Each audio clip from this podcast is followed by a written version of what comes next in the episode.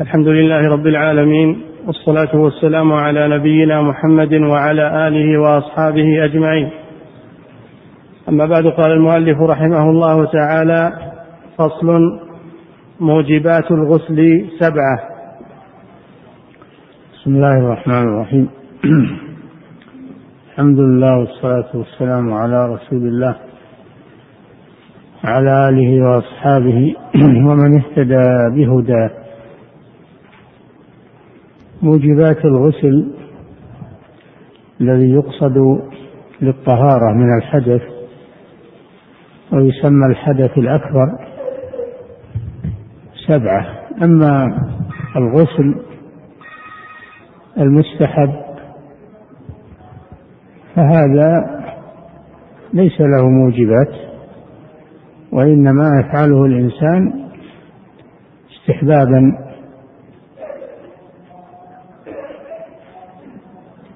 وطلبا للأجر حسب الأدلة حسب الأدلة الواردة في الغسل المستحب والأغسال المستحبة كثيرة من آكدها غسل الجمعة. غسل الجمعة وهذه ستأتي إن شاء الله. أما الغسل الواجب الذي يقصد به رفع الحدث فموجباته سبعة. إذا حصل واحد منها وجب الغسل. نعم. موجبات الغسل سبعة. خروج المني من مخرجه بلذة وانتقاله. خروج المني الأول خروج المني من مخرجه. شرطين. أولا أن يكون من مخرجه. بالنسبة للرجل وبالنسبة للمرأة. فلو خرج من غير مخرجه فإنه لا يوجب شيئا.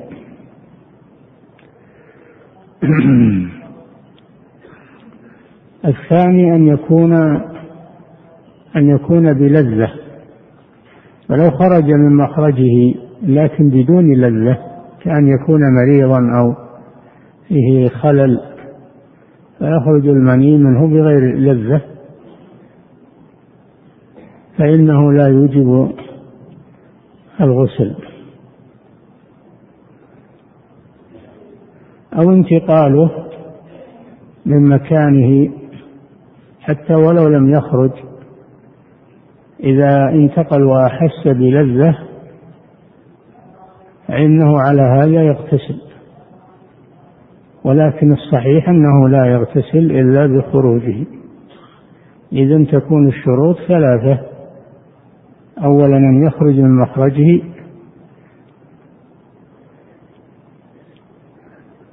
فإن لم يخرج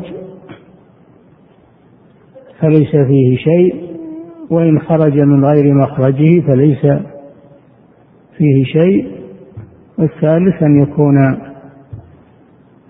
أن يكون بلذة. نعم.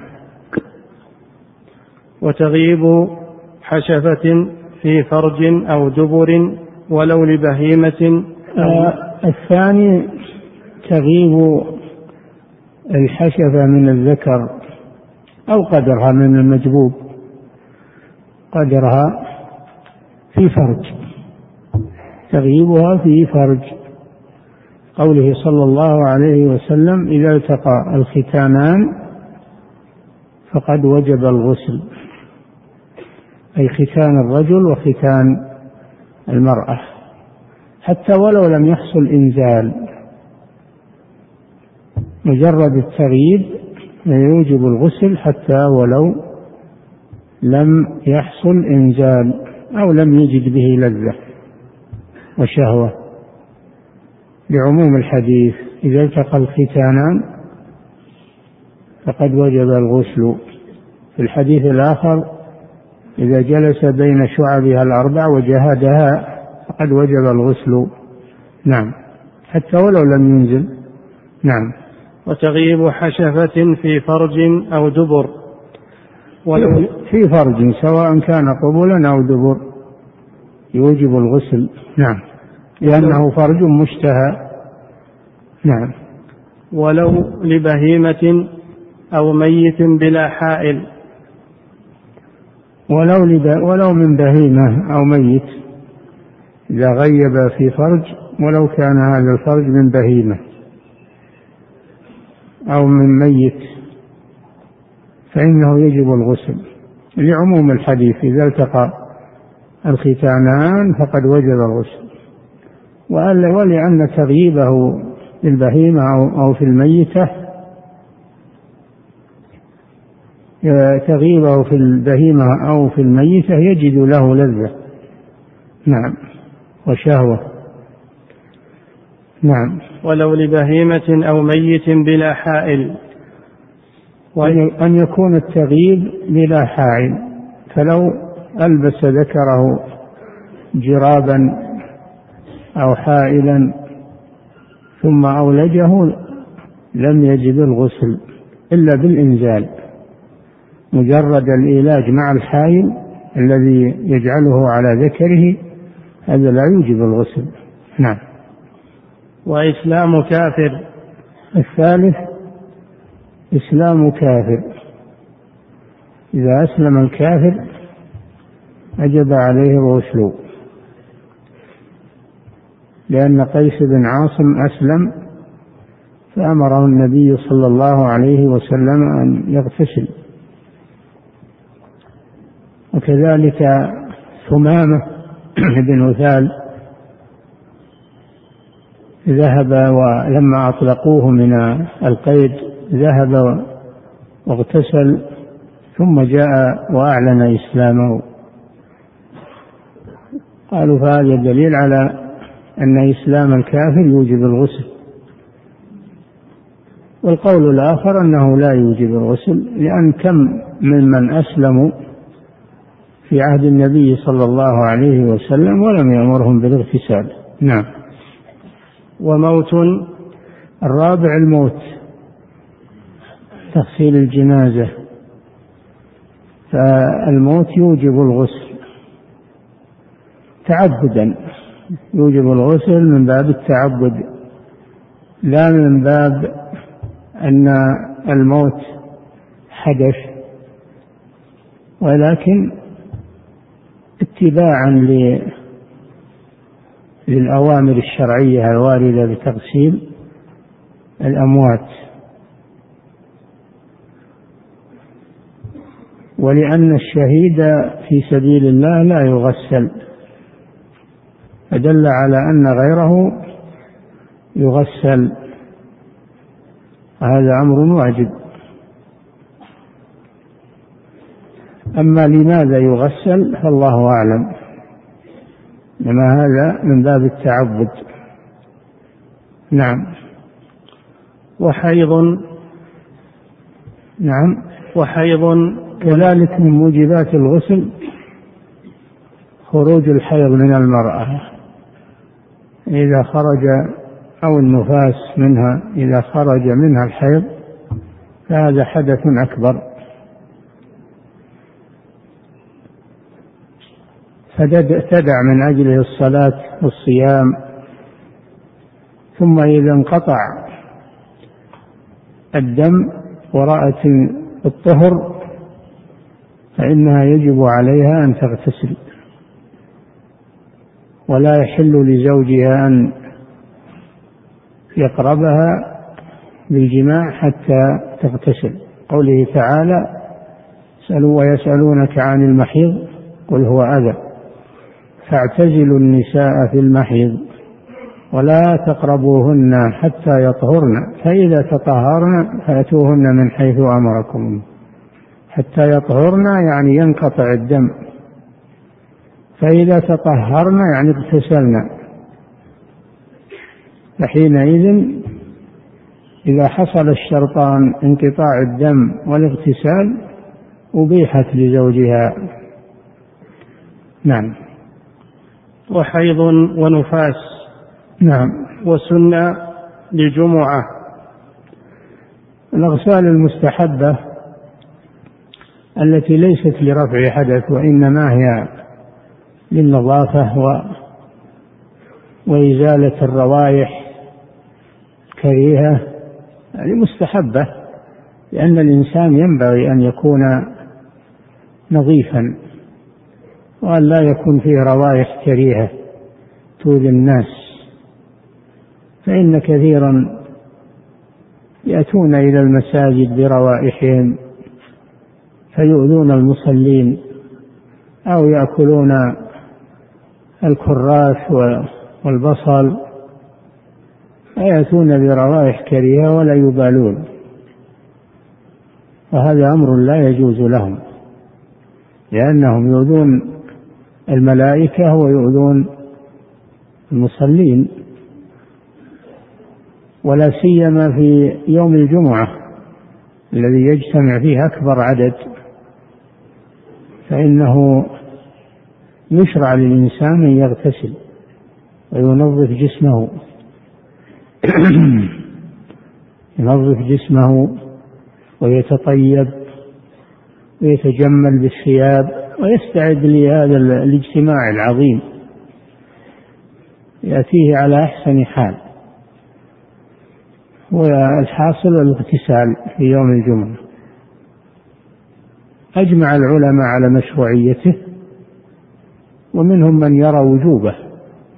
قوله صلى الله عليه وسلم غسل الجمعة واجب على كل محتلم. كلمة واجب دليل على وجوبه فرضه. وهذا قول الظاهرية. ولكن الجمهور على أن غسل الجمعة مستحب.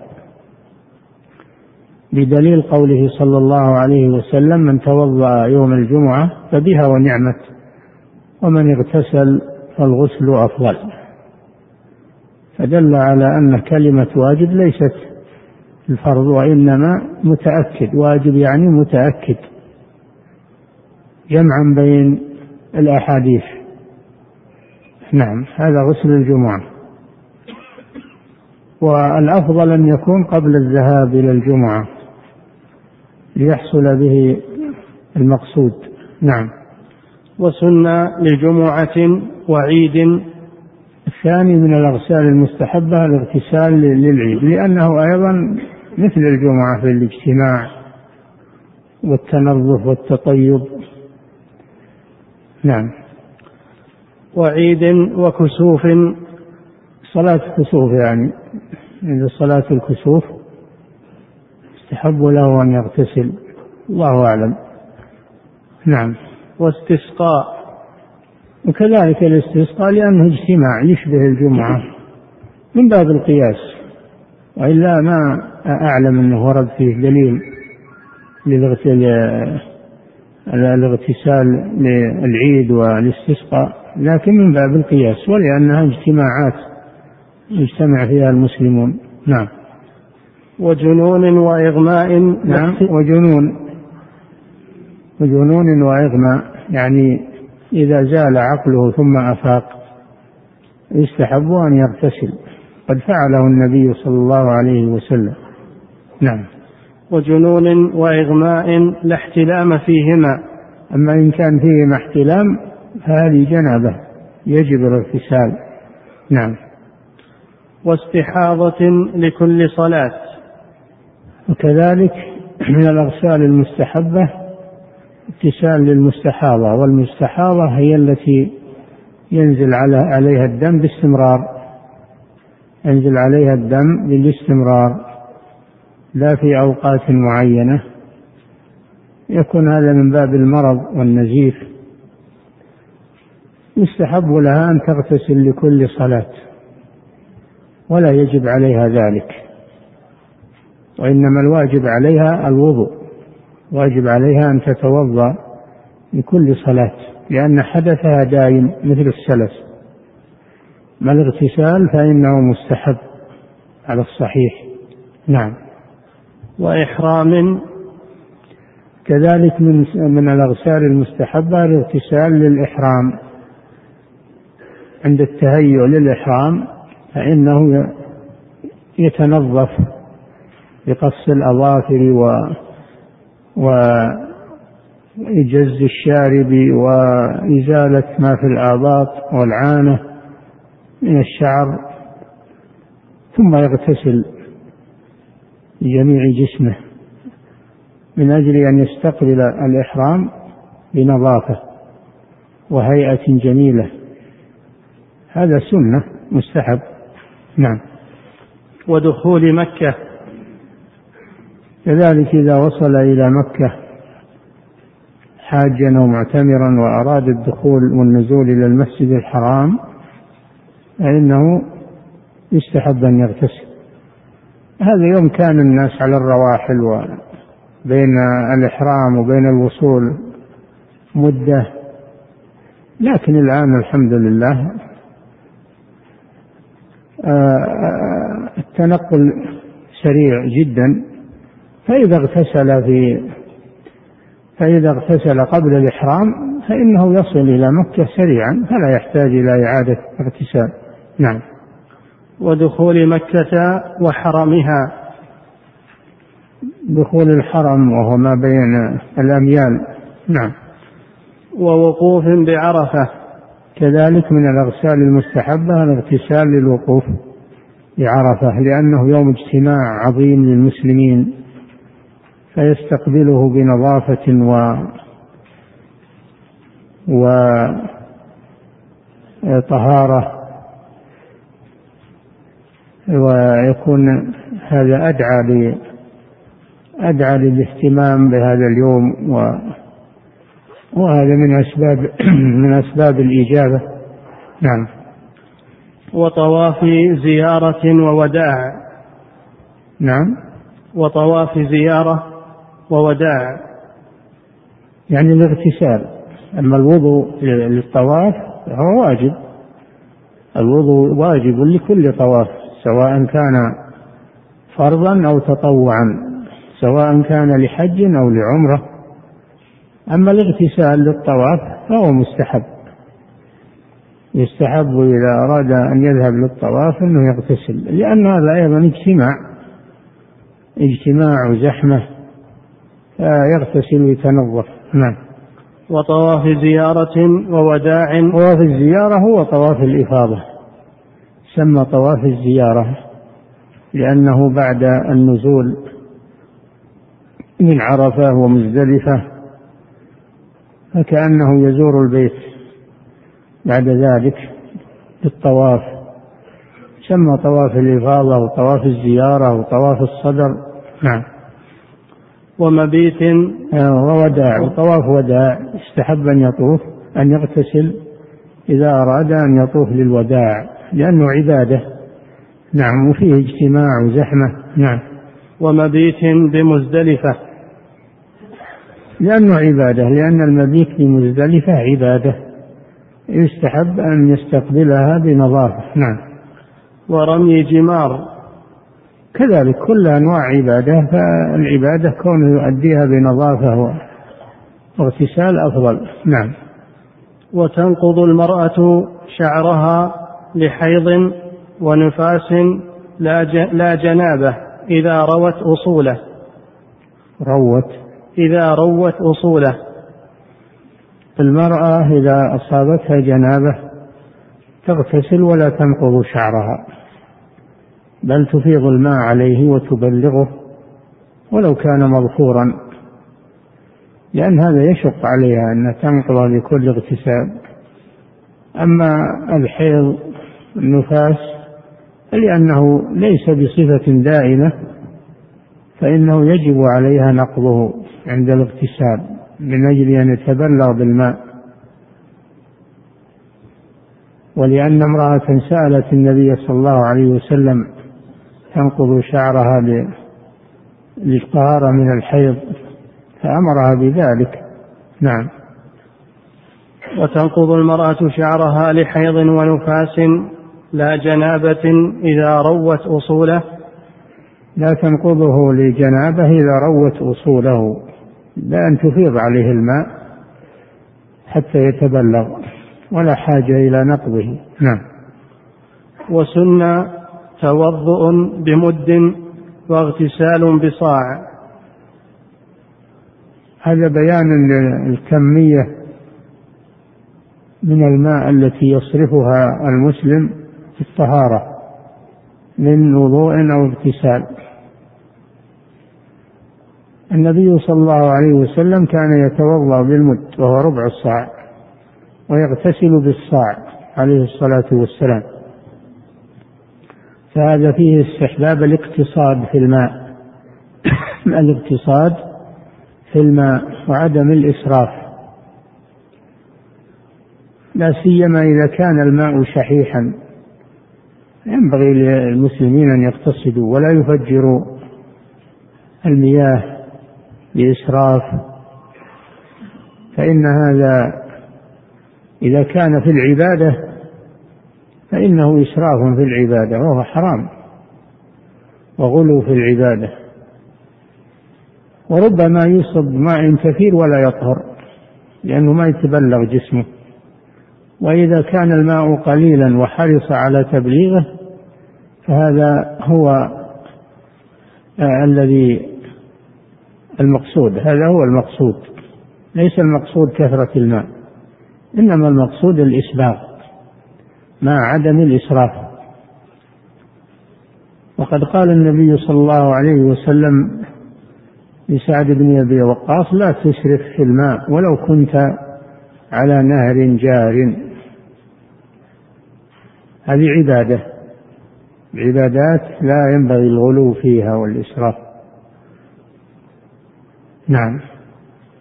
وسن توضؤ بمد واغتسال بصاع وكره إسراف. توضؤ بمد وهو ربع الصاع. آه، واغتسال بالصاع أربعة أمداد.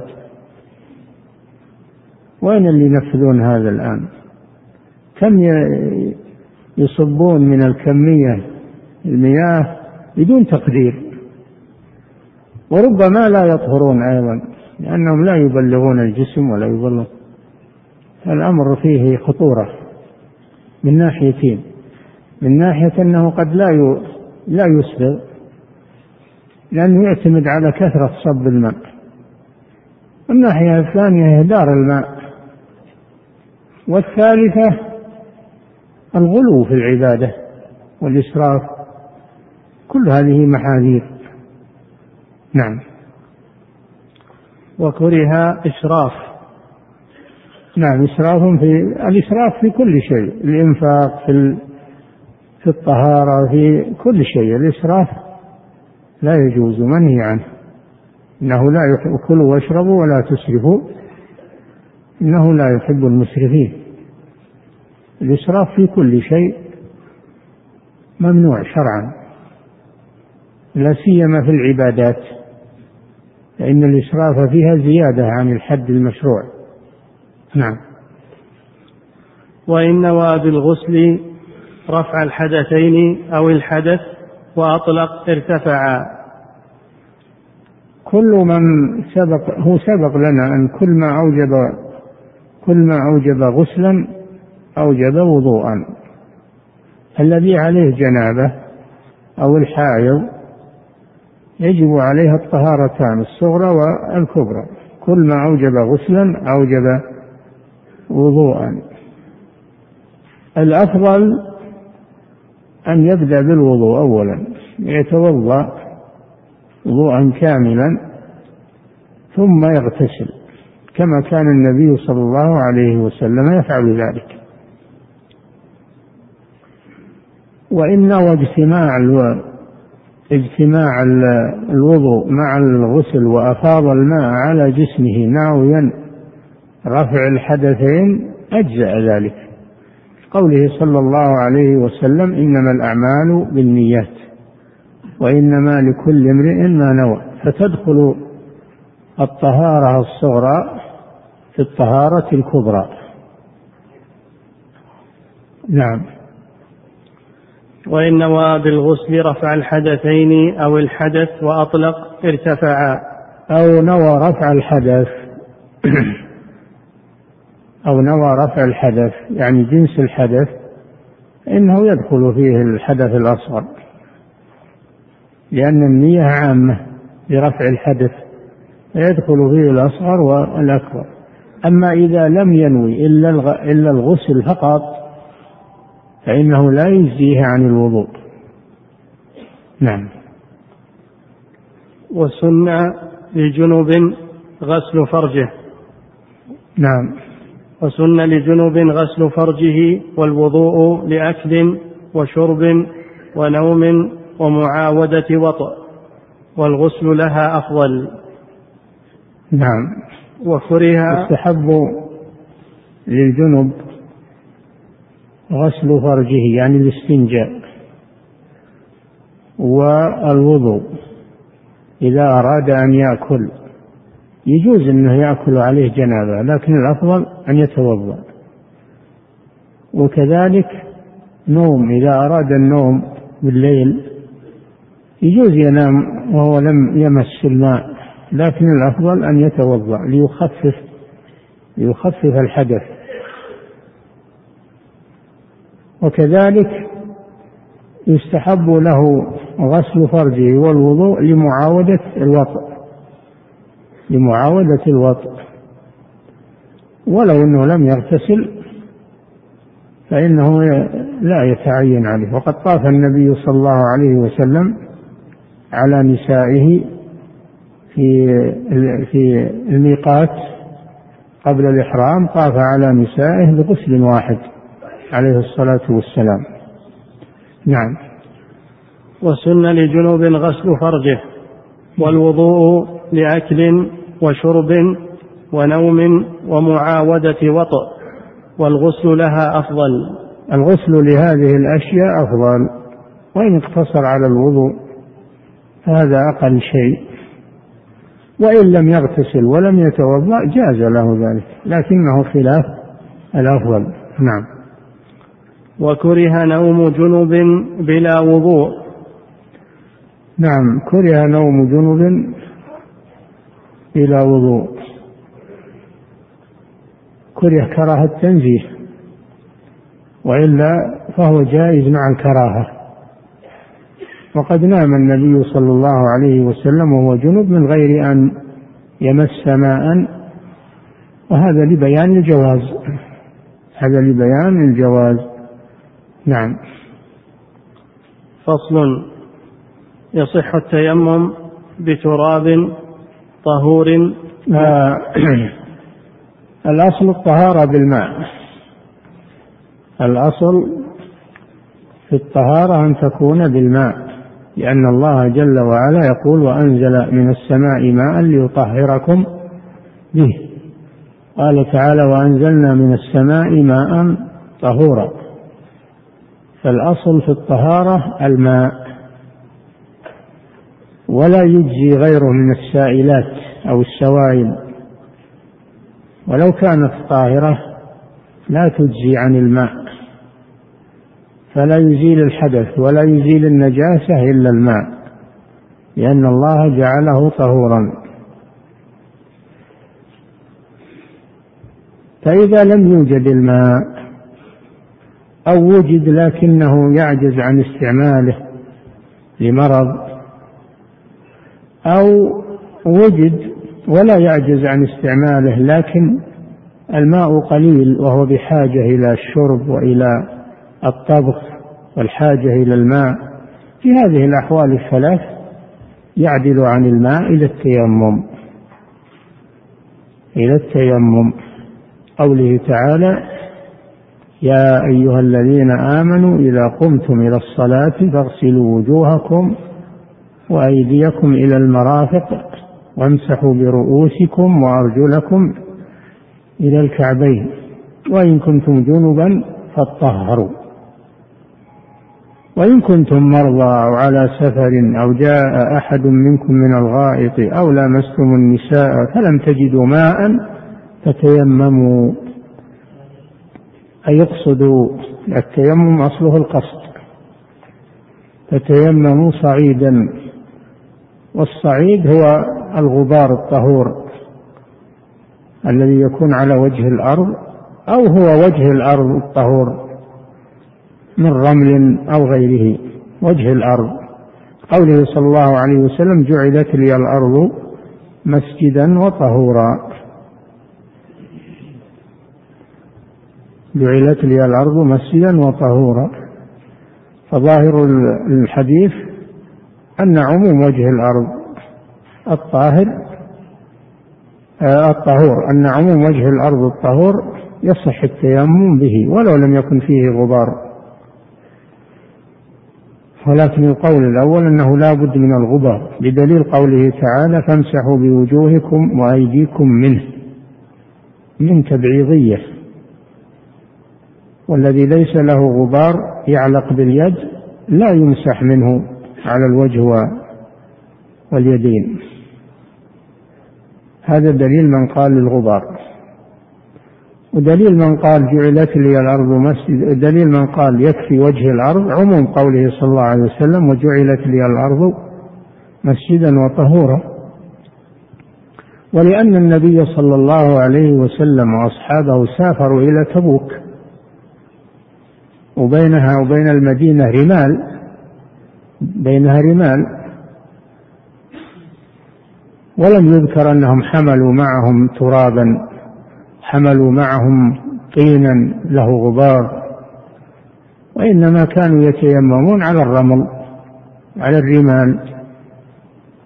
فدل على أنه لا يتعين أن يكون له غبار. المهم أن يكون طهورا. وهذا هو الصحيح إن شاء الله. لأن الغبار لا يتوفر في كل مكان. فإذا كان وجه الأرض طهورا إنه يكفي بإذن الله. فدلت الآية الكريمة على أن الماء يكون بدلا بدلا عن الماء عند عدمه فلم تجدوا ماء. أو العجز عن استعماله وإن كنتم مرضى. العجز عن استعماله لمرض أو أن يكون الماء شحيحا لا يكفي لحاجته وحاجة بهائمه ورفقته. إذا كانوا مسافرين ما يكفيهم. فحينئذ يعدلون في هذه الأحوال إلى التيمم. هذا هو الأصل. من القرآن وجاءت السنة الصحيحة عن الرسول صلى الله عليه وسلم في أحاديث كثيرة في التيمم عند عدم الماء وهذا من تيسير الله سبحانه وتعالى رحمته بهذه الأمة وإزالة الحرج عنها. تيمموا صعيدا طيبا فامسحوا بوجوهكم وأيديكم ما يريد الله ليجعل عليكم من حرج. هذه هي الحكمة رفع الحرج عن الأمة. قالوا حتى ولو كان في مكان ليس عنده لا ماء ولا تراب مثل المأسور والمحبوس ما عنده ماء ولا تراب يصلي بدون شيء لا يترك الصلاة. لا يترك الصلاة يصلي على حسب حاله. قوله تعالى فاتقوا الله ما استطعتم. ولا يترك الصلاة بحال من الأحوال. نعم. يصح التيمم يصح التيمم بتراب طهور مباح. بتراب. هذا شرط أن يكون ترابا. يخرج بذلك الرمل وما لا غبار وما لا غبار له بتراب الثاني الشرط الثاني أن يكون طهورا. نعم. يخرج بذلك التراب النجس. نعم. مباح. يخرج بذلك المغصوب. التراب المغصوب. نعم. له غبار. يخرج بذلك التراب الذي ليس له غبار. نعم. إذا عدم الماء لحبس أو غيره. هذا شرط أيضا. هذا شرط أيضا وهو أن يعدم الماء أو يعجز عن استعماله. نعم. أو خيف باستعماله أو طلبه ضرر ببدن أو مال أو غيرهما. ما عنده ماء. ولو راح يدور الماء ويطلب الماء هو خابر الماء يحتاج لكن يحتاج إلى أنه يذهب إليه. مسافة طويلة. يخاف أنه لو راح يحصل له يحصل له خطر أو أنه إن أحدا يخلفه على رحله فيأخذه. في هذه الحالة لا يروح يدور الماء. إن كان الماء قريبا منه إن كان الماء عنده أو قريبا منه فلا بد منه. أما إذا كان بعيدا ويحتاج إلى بحث وإلى وإلى وإلى سير طويل فلا. نعم. أو خيف باستعماله أو طلبه ضرر ببدن أو مال أو غيرهما. نعم. ويفعل عن كل ما يفعل بالماء سوى نجاسة. نعم. ويفعل عن كل ما يفعل بالماء. نعم. الماء التيمم بدل عن الماء فيفعل به كل ما يفعل بطهارة الماء. يفعل بطهارة التيمم من العبادات كل ما يفعل بطهارة الماء من صلاة وقراءة ومس مصحف ولبث في المسجد وغير ذلك. نعم. ويفعل عن كل ما يفعل بالماء سوى نجاسة على غير بدن إذا دخل وقت نعم. النجاسة إذا كانت على البدن يكفي عنها يكفي عنها التيمم. أما إذا كانت على غير بدن على الثوب هذه لا يكفي عنها التيمم. فلا بد من إزالة النجاسة أو استبدال الثوب بثوب طاهر لأن التيمم لا يزيل النجاسة التي على غير البدن. نعم. إذا دخل وقت فرض متى متى يشرع التيمم؟ المذهب أنه ما يشرع إلا عند دخول وقت الصلاة لأنه لأنه طهارة استثنائية وهو مبيح للعبادة وليس رافعا للحدث فإن فلا يصح إلا عند دخول وقت الصلاة. صلاة فريضة. أو وقت أبيحت فيه النافلة ما يكون وقت نهي. فلا يفعل التيمم إلا عند دخول وقت فريضة أو إباحة أو وقت إباحة نافلة. أما قبل ذلك فلا. بخلاف الماء فإنه لك أن تتوضأ في أي وقت ويرتفع حدثك. أما التيمم لا لا بد أن يكون مربوطا بالوقت وقت العبادة. نعم. إذا دخل وقت فرض وأبيح غيره. وأبيحت نافلة يعني زال وقت النهي. نعم. وإن وجد ماء لا يكفي طهارته استعمله ثم تيمم. إذا وجد ماء قليلا ما يكفي للاغتسال أو لا يكفي للوضوء. فإنه يستعمله بما يمكنه فيه ويتيمم عن الباقي. يتيمم عن مثلا يغسل وجهه منه ويديه إن أمكن ويكمل الباقي بالتيمم. قوله تعالى فاتقوا الله ما استطعتم. نعم. وإن وجد ماء لا يكفي طهارته استعمله ثم تيمم. ثم يتيمم للبقية. استعمله فيما يمكن استعماله فيه وتيمم للبقية.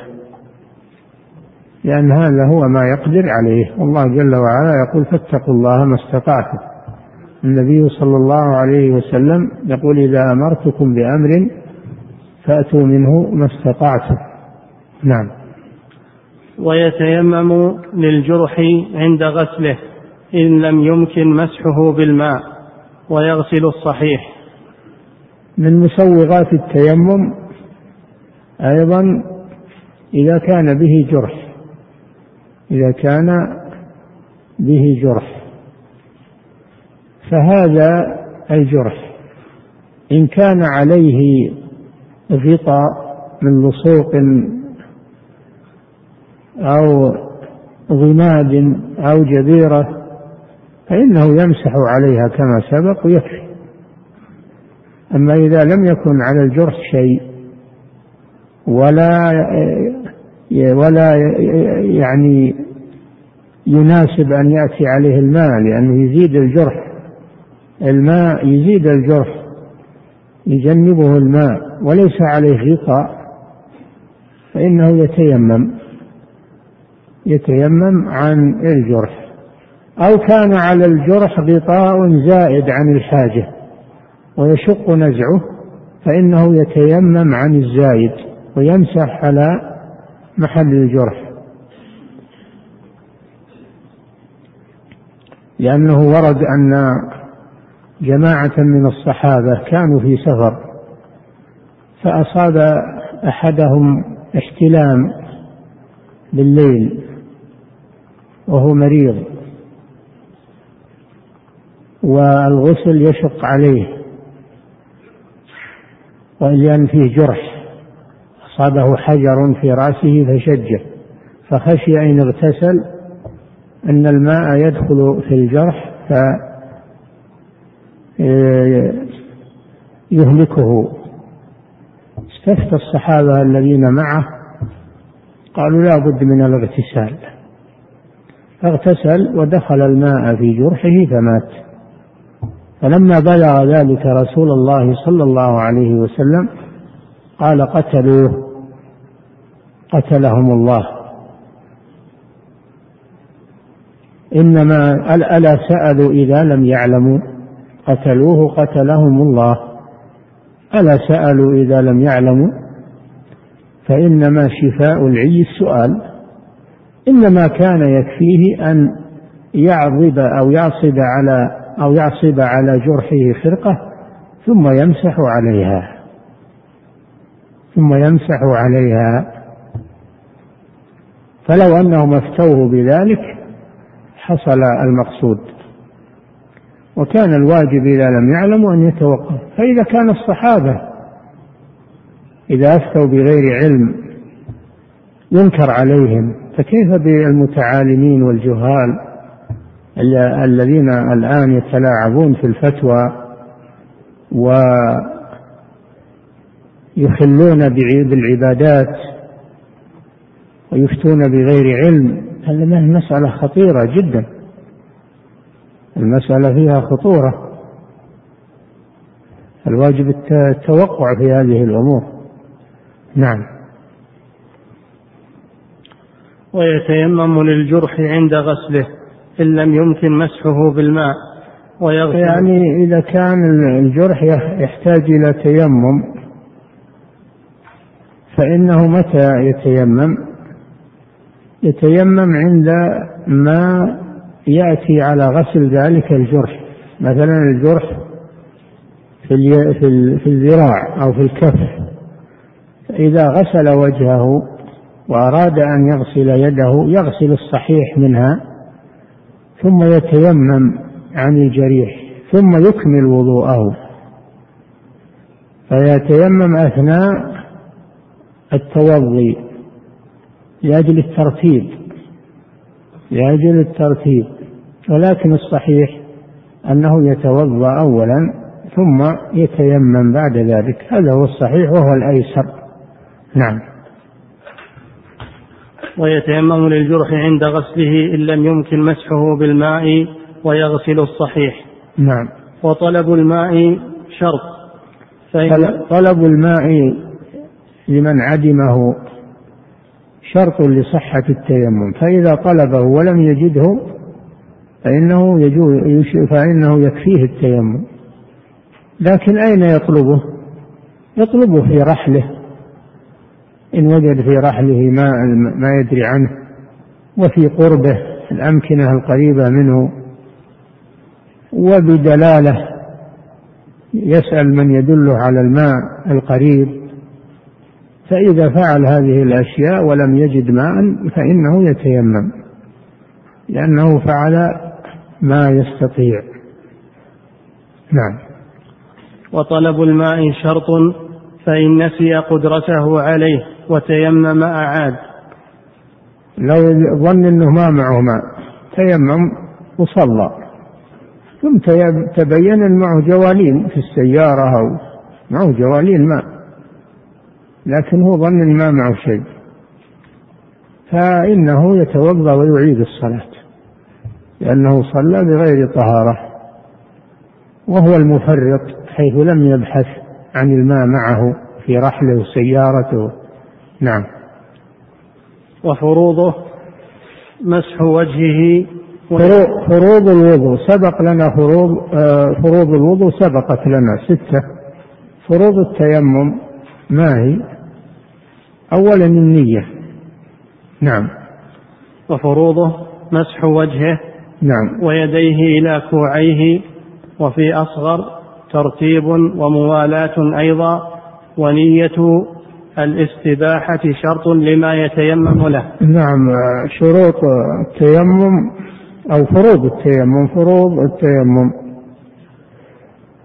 مسح وجهه مسح وجهه بكامل الوجه من أعلاه إلى أسفله ومن حتى اللحية يمسح عليها و ومن الأذن إلى الأذن عرضا هذا يمسح عليه وكفيه. ويمسح على كفيه ظاهر ظاهرهما وباطنهما. قوله سبحانه فاغسلوا فامسحوا بوجوهكم وأيديكم. واليد إذا أطلقت يراد بها الكف فقط. أما إذا أريد الذراع فإنه ينص عليه قال تعالى اغسلوا وأيديكم إلى المرافق. النص على إلى المرافق. فلو اقتصر على وأيديكم لكفى الكف لكن قال إلى المرافق. فالكف إذا فاليد إذا أطلقت رادوا بها الكف ولذلك قطع يد السارق تقطع أيديهما وين تقطع اليد من العضد أو من المرفق أو من من الكف. لا من الكف. هذه اليد إذا أطلقت. نعم. وهي هنا مطلقة وأيديكم. ولم يقل إلى المرافق. فيكفي مسح الكفين ظاهرا وباطنا. نعم. وفروضه مسح مع الترتيب مع الترتيب في الحدث الأصغر. يمسح وجهه أولا ثم يمسح كفيه. أما الحدث الأكبر فلا يشترط الترتيب. فلو مسح يديه قبل وجهه أجزأ ذلك لأن الاغتسال في عن الجنابة لا يلزم فيه الترتيب. نعم. وفروضه مسح وجهه ويديه إلى كوعيه وفي أصل إلى كوعيه إلى كوعين. الكوع هو مفصل الكف من الذراع هذا هو الكوع الذي يتكون من الزندين يتكون من الزندين. هذا هو الكوع. أما ما يجمع بين العضد والذراع هذا يسمى المرفق. يسمى المرفق. العوام يظنون إن الكوع هو المرفق. لا. عندنا كوع وعندنا مرفق. الكوع ما بين الذراع والكف والمرفق ما بين الذراع والعضد. نعم. وفي أصغر ترتيب وموالاة. وإذا تيمم عن حدث أصغر فيشترط الترتيب. يبدأ بوجهه ثم بكفيه. والموالاة بأن يمسح بوجهه ثم بعد ذلك يمسح على كفيه مباشرة بدون تأخير. نعم لأن هذا بدل عن الوضوء والوضوء يشترط فيه. الترتيب والمك... ويشترط فيه الترتيب والموالاة كما سبق. نعم. ونية الاستباحة شرط لما يتيمم له. ومن شروط صحة التيمم النية وهي شرط لكل عبادة. قوله صلى الله عليه وسلم إنما الأعمال بالنيات. فلو مسح على وجهه وكفيه بدون نية لم يكفه ذلك. لأنه لم ينوي التيمم. نعم. ونية الاستباحة شرط لما يتيمم له ولا يصلي. نعم. هذه مسألة في التيمم نفسه. هل هو مبيح للعبادة فقط؟ أو هو رافع للحدث؟ خلاف بين العلماء. آه، المذهب هنا أنه مبيح.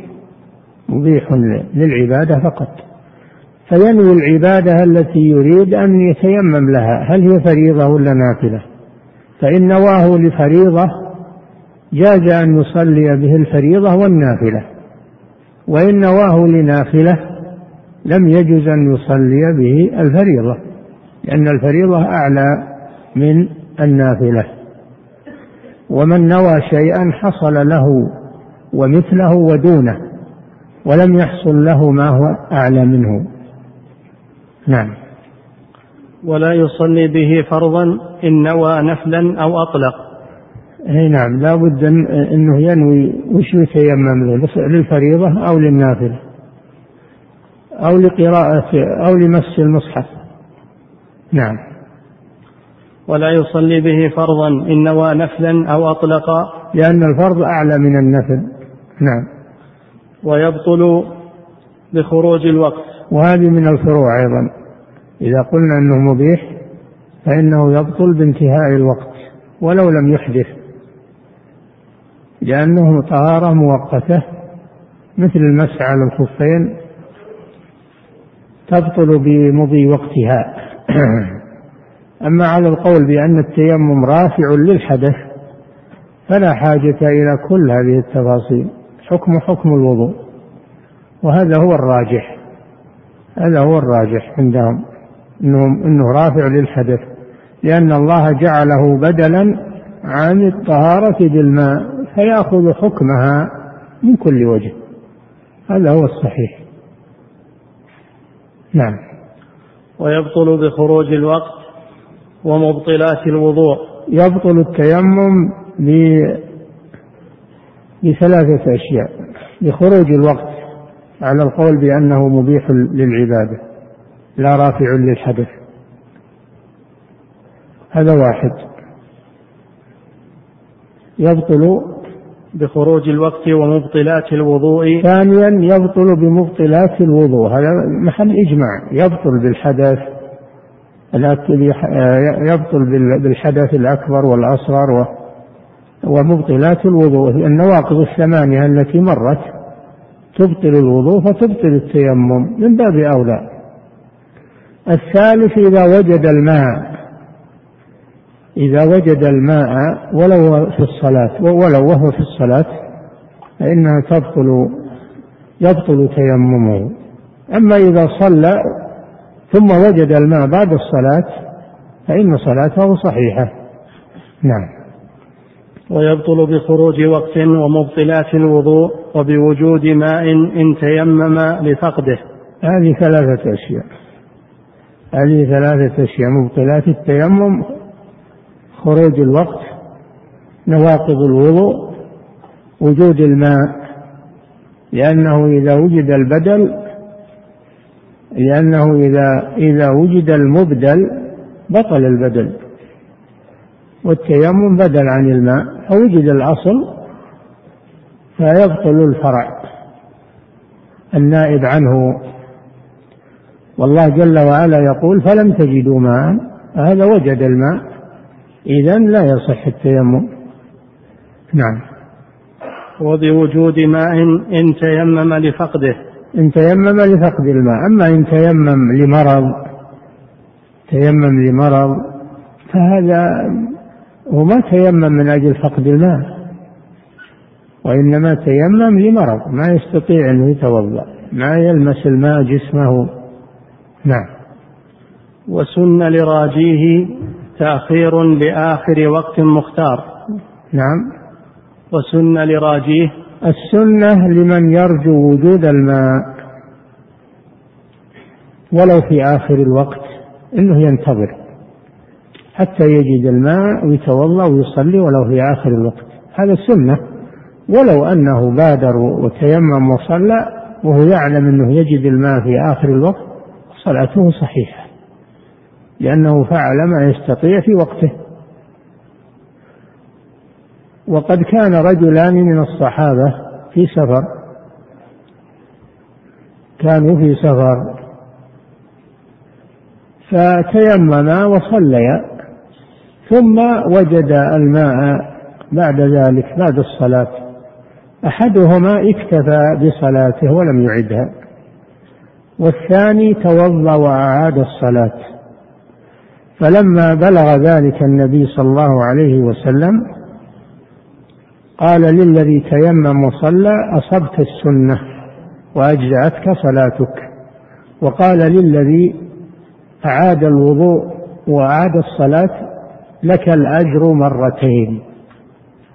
فلم يخطي واحدا منهما. فدل على أن هذا من باب الأفضلية لا من باب الوجوب. نعم. وسن لراجيه تأخير لآخر وقت مختار. مختار. الوقت المختار إنما هو في صلاتين فقط. صلاة العصر وصلاة العشاء.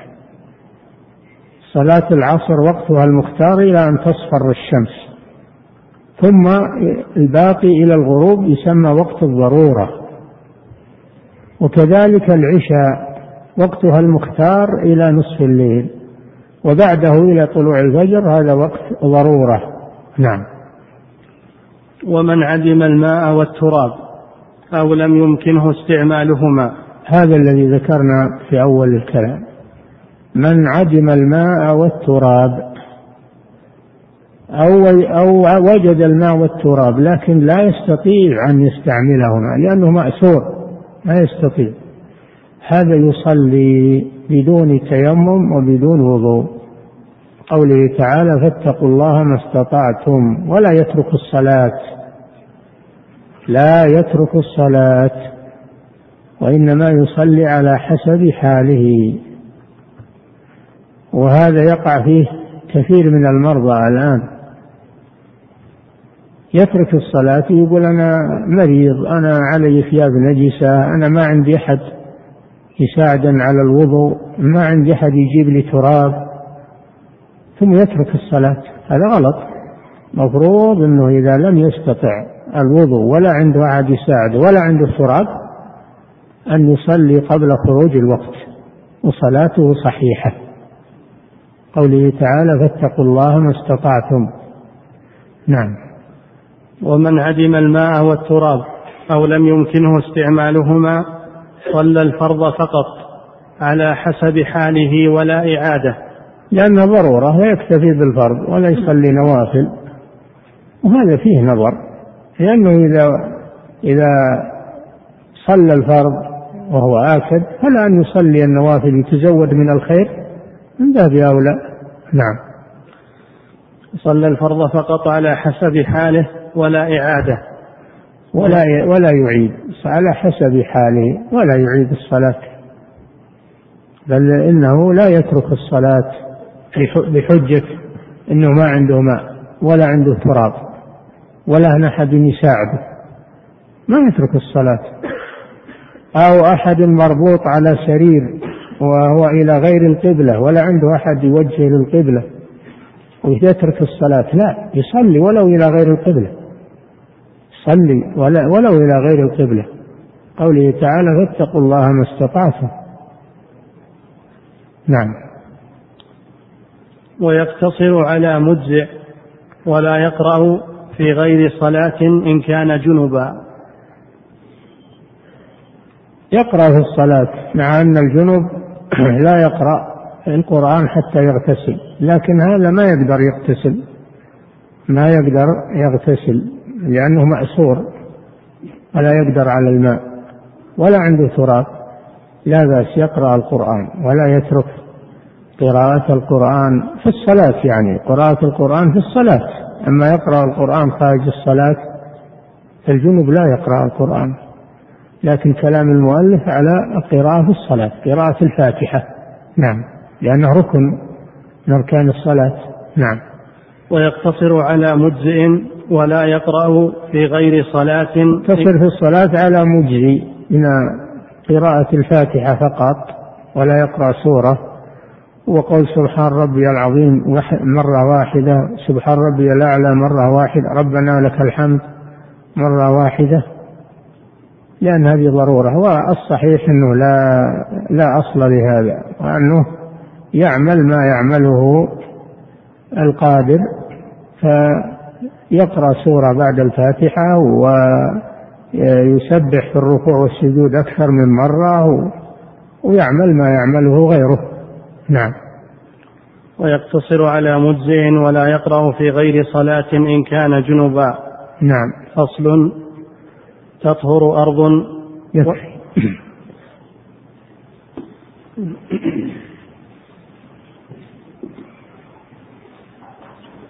يقول فضيلة الشيخ وفقكم الله. هل الغسل المستحب الذي ذكره المؤلف رحمه الله يكفي عن الوضوء إذا نوى الأمرين؟ نعم. إذا إذا نوى دخول الوضوء في غسل مستحب أجزاء. أجزاء ذلك لأنه طهارة شرعية. نعم. وهل لا بد من ترتيب أعضاء الوضوء في الغسل المستحب؟ يدخل الوضوء في الغسل والغسل ليس فيه ترتيب فلا يلزم ترتيب الأعضاء. نعم. يقول فضيلة الشيخ وفقكم الله إذا أشكل على الرجل أو المرأة هل الذي نزل منه مني أو ودي فهل يجب الغسل فهل يجب الغسل في هذا الشك؟ ما يشكل عليه يا أخي ما يشكل عليه. المني يجد له لذة وأما وأما المذي المني يجد له لذة وأما المذي والودي فلا يجد لهما لذة. فلا يشكل هذا الفرق بينهما. نعم. يقول فضيلة الشيخ وفقكم الله ذكر المؤلف رحمه الله أن من أسباب الغسل الموت فهل يجب الغسل على المغسل أو الميت؟ الميت لا بد منه ولا يدفن بدون تغسيل إلا الشهيد إلا الشهيد فقط. وأما المغسل فيستحب له يستحب له أنه يغتسل وليس ذلك بواجب عليه. نعم. يقول فضيلة الشيخ وفقكم الله إذا خرج المني من غير مخرجه كمن انكسر صلبه فخرج المني. فهل يكون المني نجسا وهل عليه غسل في ذلك؟ المني طاهر سواء خرج من مخرجه أو غير مخرجه المني طاهر لأنه كان يصيب ثوب الرسول صلى الله عليه وسلم فيصلي فيه ولا يغسله وإنما كان يفرك من ثوبه صلى الله عليه وسلم يابسا ويصلي فيه. ورد إن, إن عائشة كانت تغسله لكن هذا من باب النظافة ليس من باب إزالة نجاسة. المني طاهر. نعم شو السؤال؟ يقول إذا خرج المني من غير مخرجه كمن انكسر صلبه فخرج المني فهل يكون المني نجسا؟ لا المني ما هو نجس مطلقا لا إن خرج من مخرجه ولا من غيره. نعم. وهل عليه غسل في ذلك؟ ليس عليه غسل إلا إذا خرج من مخرجه. نعم. يقول فضيلة الشيخ وفقكم الله إذا نوى الإنسان بغسله رفع الحدثين فهل يشترط حصول المضمضة والاستنشاق في ذلك؟ لا بد من هذا. لا بد من المضمضة والاستنشاق في البداية. أولا يستنجي. أولا يستنجي ويغسل ما لوثه ثم يتمضمض ويستنشق ويفيض الماء. على جسمه. ولو انغمس في ماء كثير لو انغمس في ماء كثير كالبحر والنهر ناويا رفع الحدثين فلا بأس. لا بأس بذلك. لكن لا بد من المضمضة والاستنشاق لأن فمه وأنفه في حكم الظاهر فلا بد من المضمضة والاستنشاق. نعم. يقول فضيلة الشيخ وفقكم الله توجد عوازل رقيقة توضع على الذكر في حال الإيلاج كمانع لوصول المني إلى المرأة لمنع الحمل نعم. فهل إذا استعملها الرجل ولم ينزل مع الإيلاج هل يجب عليه غسل في ذلك؟ لا هذا سمعتموه إذا إذا أنزل وجب عليه الغسل مطلقا سواء بإيلاج أو بدون إيلاج الإنزال يجب معه الغسل إذا كان معه لذة. وأما إذا أولج ولم ينزل وكان الذكر عليه حائل فهذا لا يوجب عليه الغسل لأنه لم يلتقي الختانان. التقاء الختانان مباشرة وهذا ما هو مباشرة هذا محجوب باللفافة التي عليه. نعم. يقول فضيلة الشيخ وفقكم الله هل للرجل أن يجامع امرأته الحائض إذا كان قد وضع هذا الحائل الرقيق؟ لا. ما يجوز له ولا تقربوهن. تجل النساء في المحيض. ولا تقربوهن. لا تقربوهن. لا بحائل ولا بدون حائل. نعم. يقول فضيلة الشيخ وفقكم الله هل هل من أصول المذهب عند الحنابلة القياس لأن المؤلف قد قاس صلاة العيد والكسوف على الجمعة بالنسبة للغسل. الجمهور عندهم العمل بالقياس. الذين لا يقولون بالقياس هم الظاهرية فقط. أما جمهور أهل العلم يقولون بالقياس حنابلة وغيرهم. نعم. يقول فضيلة الشيخ وفقكم الله قول المصنف رحمه الله وكره إسراف يعني في الماء. ما المراد بالكراهة هنا؟ هل هي كراهة تحريم أم كراهة تنزيه. المتأخرون إذا أطلقوا الكراهة يريدون التنزيه. والمكروه عندهم ما يثاب تاركه ولا يعاقب فاعله. هذا هو المكروه. نعم.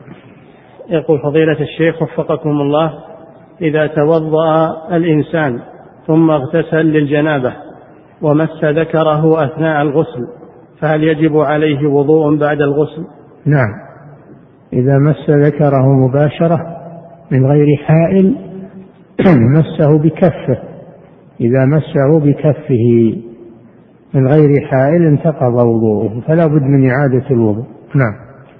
يقول فضيلة الشيخ وفقكم الله حديث النبي صلى الله عليه وسلم إنما الماء من الماء هل يعد منسوخا وما هو ناسخه وفقكم الله. ليس منسوخا وإنما هذا في الاحتلام.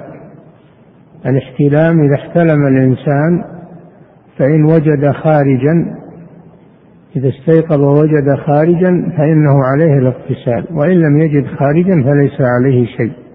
هذا معنى قوله الماء من الماء يعني في الاحتلام. فالمحتلم إذا أنزل عليه الاغتسال إذا لم ينزل فليس عليه شيء. نعم. يقول فضيلة الشيخ وفقكم الله إذا احتلم الإنسان ليلة الجمعة إذا إذا احتلم الإنسان ليلة الجمعة ثم أذن المؤذن لصلاة فجر يوم الجمعة فاغتسل من الجنابة فهل يكفيه عن غسل يوم الجمعة؟ يكفي لكن كونه عند الذهاب إلى الصلاة أفضل ولا هو يكفي. نعم. يقول فضيلة الشيخ وفقكم الله هل يلزم الحائض والجنب إذا مشيا في المسجد أن يسرعا في المشي إذا كانا مارين أبدا يمشيان على طبيعتهما عابر سبيل على طبيعته نعم يقول فضيلة الشيخ وفقكم الله إذا ألقت المرأة علقة أو مضغة فهل يجب عليها غسل؟ الخارج نعم إذا إيش؟ إذا ألقت المرأة علقة أو مضغة فهل يجب عليها غسل؟ هذا لا هذا يوجب الوضوء فقط ولا يوجب الغسل اللي يوجب الغسل النفاس إذا خرج منها دم نفاس وجب عليها الغسل أما لو ولدت بدون دم فليس عليها غسل نعم يقول فضيلة الشيخ وفقكم الله إذا خاف الجنب والحائض على نفسيهما فهل لهما المكث في المسجد؟ نعم لكن بالوضوء. يتوضأان وإذا لم يمكن الوضوء فيبقيان في المسجد ولو بدون وضوء. للضرورة. نعم. يقول فضيلة الشيخ وفقكم الله رجل أعزب لم يستطع الزواج ويخشى على نفسه من الوقوع في الفاحشة فهل يجوز له أن يفعل ما يسمى بالاستمناء بين حين وآخر؟ وما هو الحل الشرعي له. الحل أعطاك الرسول صلى الله عليه وسلم الحل. قال من لم يستطع فعليه بالصوم فإنه له وجاء فصم. وسوف لا تجد الشهوة. نعم. يقول فضيلة الشيخ وفقكم الله كان رجل في السابق يفعل العادة السرية وعند نزول المني يقبض على ذكره فلا يخرج هذا المني فهل يجب عليه غسل عن تلك الأيام؟ إذا كان ما خرج ولا برز ليس عليه غسل إذا انحبس ولم يخرج ليس عليه غسل على الصحيح. نعم. يقول فضيلة الشيخ وفقكم الله أنا من بلاد باردة جدا وأحيانا أستيقظ من النوم على جنابة. أنا إيش؟ أنا من بلاد باردة جدا. م. وأحيانا أستيقظ من النوم وأنا على جنابة. فهل لي أن أتيمم؟ لا إذا كان عندك ما تسخن به الماء إذا كان عندك ما تسخن به الماء من حطب أو كهرباء أو وقود فلا يجوز لك تسخن الماء. أما إذا كان الماء باردا جدا ولا يطاق وليس عندك ما تسخنه به فإنك تتيمم وتصلي كما فعل عمرو بن العاص رضي الله عنه في بعض السرايا آه، أصابه احتلام وكان الجو باردا جدا وليس معهم آه، وليس معهم ما يسخنون به الماء فتيمم وصلى بأصحابه وبلغ ذلك رسول الله صلى الله عليه وسلم فلم ينكر عليه. نعم. يقول فضيلة الشيخ وفقكم الله إذا نام الإنسان وهو جالس نوما خفيفا يقارب النصف ساعة إلى الساعة وهو متأكد أنه لم يخرج منه شيء فهل ينتقض وضوءه؟ إذا كان متمكنا من نفسه فليس عليه وضوء. نعم. يقول فضيلة الشيخ وفقكم. أما إذا كان غير متمكن بأن كان متكئا على شيء أو مضطجعا فإنه عليه الوضوء. نعم. يقول فضيلة الشيخ وفقكم الله هل يجوز فتح البيوت لاستقبال المعزين في الميت كما هو الحال اليوم عند كثير من الناس؟ حيث سمعت من بعض العامة إن هذا الفعل بدعة لأنه أصبح مثل التهنئة. فهل هذا الكلام صحيح؟ نعم هذا له أصل وهو قول جرير بن عبد الله رضي الله عنه كنا نعد الاجتماع إلى أهل الميت وصنعة الطعام من النياحة. فلا ينبغي هذا ولا ينبغي التوسع في هذه الأمور. لا ينبغي التوسع في هذه الأمور. نعم. يقول فضيلة الشيخ وفقكم الله حصل لأخي حادث تسبب فيه رجل آخر بنسبة مئة بالمئة ورفض إعطاء أخي أي شيء بحجة أن السيارة مؤمن عليها. وشركة التأمين قد أصدرت شيكا لأخي بمقدار 2700 ريال. السؤال هل يجوز أخذ هذه الأموال؟ هذه قضية هذه قضية تراجع المحكمة فيها. مسألة الجنايات وما يترتب عليها. تراجع فيها المحكمة. نعم. يقول فضيلة الشيخ وفقكم الله امرأة تسأل فتقول في شهر رمضان الماضي كنت مريضة مرضا نفسيا. ولا في شهر إيش؟ في شهر رمضان الماضي. تقول كنت مريضة مرضا نفسيا ولا أعلم بتصرفاتي لمرضي وحظت في ذلك الوقت ولا أعلم عدد الأيام. ولا أعلم هل قضيتها أم لا فما الحكم فيه. إذا كان يعني أصابها إغماء هي أصابها إغماء فقدت الوعي أو أنها مجرد أنها أصابها مرض نفسي وضيق في الصدر فهذا لا يعفيها من العبادة تقضيها وإذا لم تعلم عددها فإنها تقدرها تحتاط. تقضيها إذا كانت تركتها وعقلها موجود وفكرها موجود فإنها مهملة عليها القضاء. أما إذا كانت تركتها لأنها مغمى عليها وزائلة التفكير والمدة طويلة فلا يجب عليها القضاء. نعم. يقول فضيلة الشيخ وفقكم الله شخص كان يستخدم المخدرات ثم تاب. وكان يستدين من أشخاص يبيعونها له والآن هو يسأل فضيلتكم أنه لم يسدد لهؤلاء الأشخاص فما حكم فعله ذلك؟ إذا طالبوه يذهبون إلى المحكمة إذا طالبوه ما يعطيهم إلا من عند القاضي إذا ألزمه بذلك هذا في ذمته وذمة القاضي. نعم. يقول فضيلة الشيخ وفقكم الله يقول السائل كانت زوجتي وابنتي على العبارة المصرية التي غرقت في البحر وكان معها بعض الأمانات من أختها وبعض الزميلات لها لتوصيلها إلى مصر وقد غرقت زوجتي ومعها هذه الأمانات فهل علي السداد لهذه الأمانات إلى أصحابها؟ أنت لست مسؤولا عن الأمانات لأنك لم تعطى تعطى لم تدفع إليك لأن هذه الأمانات لم تدفع إليك وإنما دفعت إلى غيرك فأنت لست مسؤولا عنها. نعم. يقول فضيلة الشيخ وفقكم الله. وأيضا المرأة ليس عليها شيء لأنها لم تفرط. الأمانة إذا تلفت من غير تفريط من الأمين فليس عليها شيء. نعم. يقول فضيلة الشيخ وفقكم الله.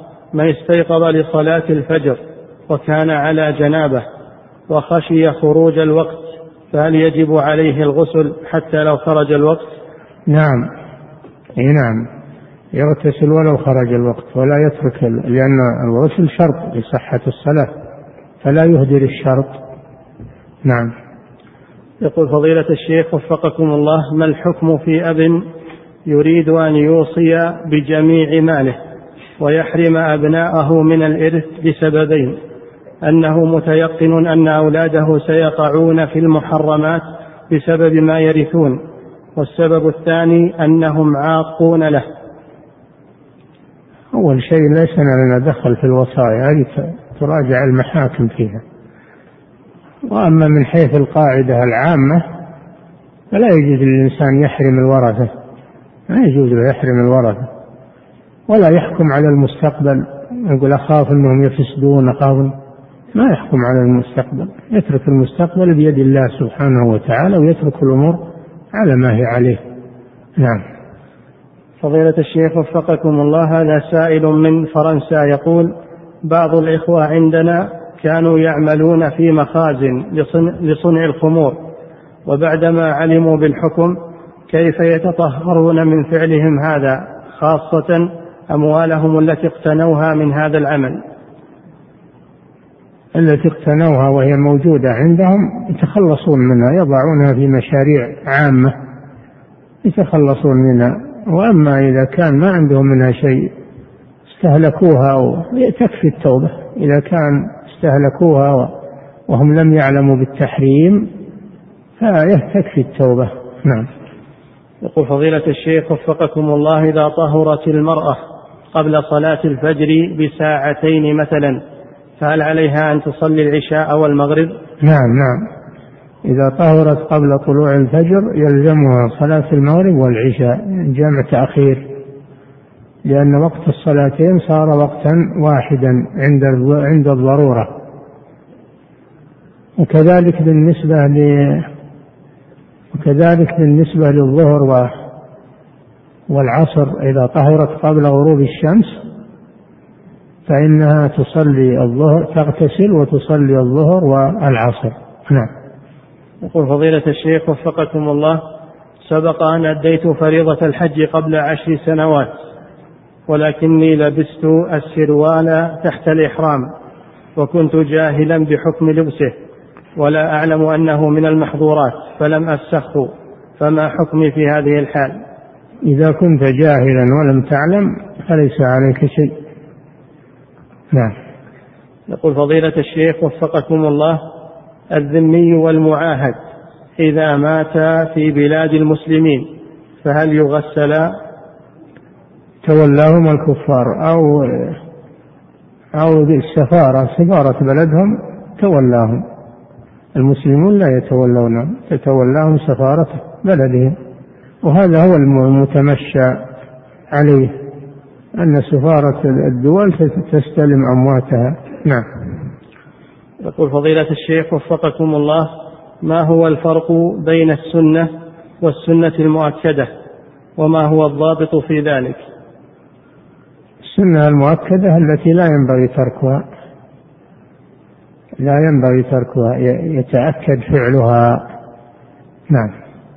انتهى. الله تعالى أعلم وصلى الله وسلم على نبينا محمد.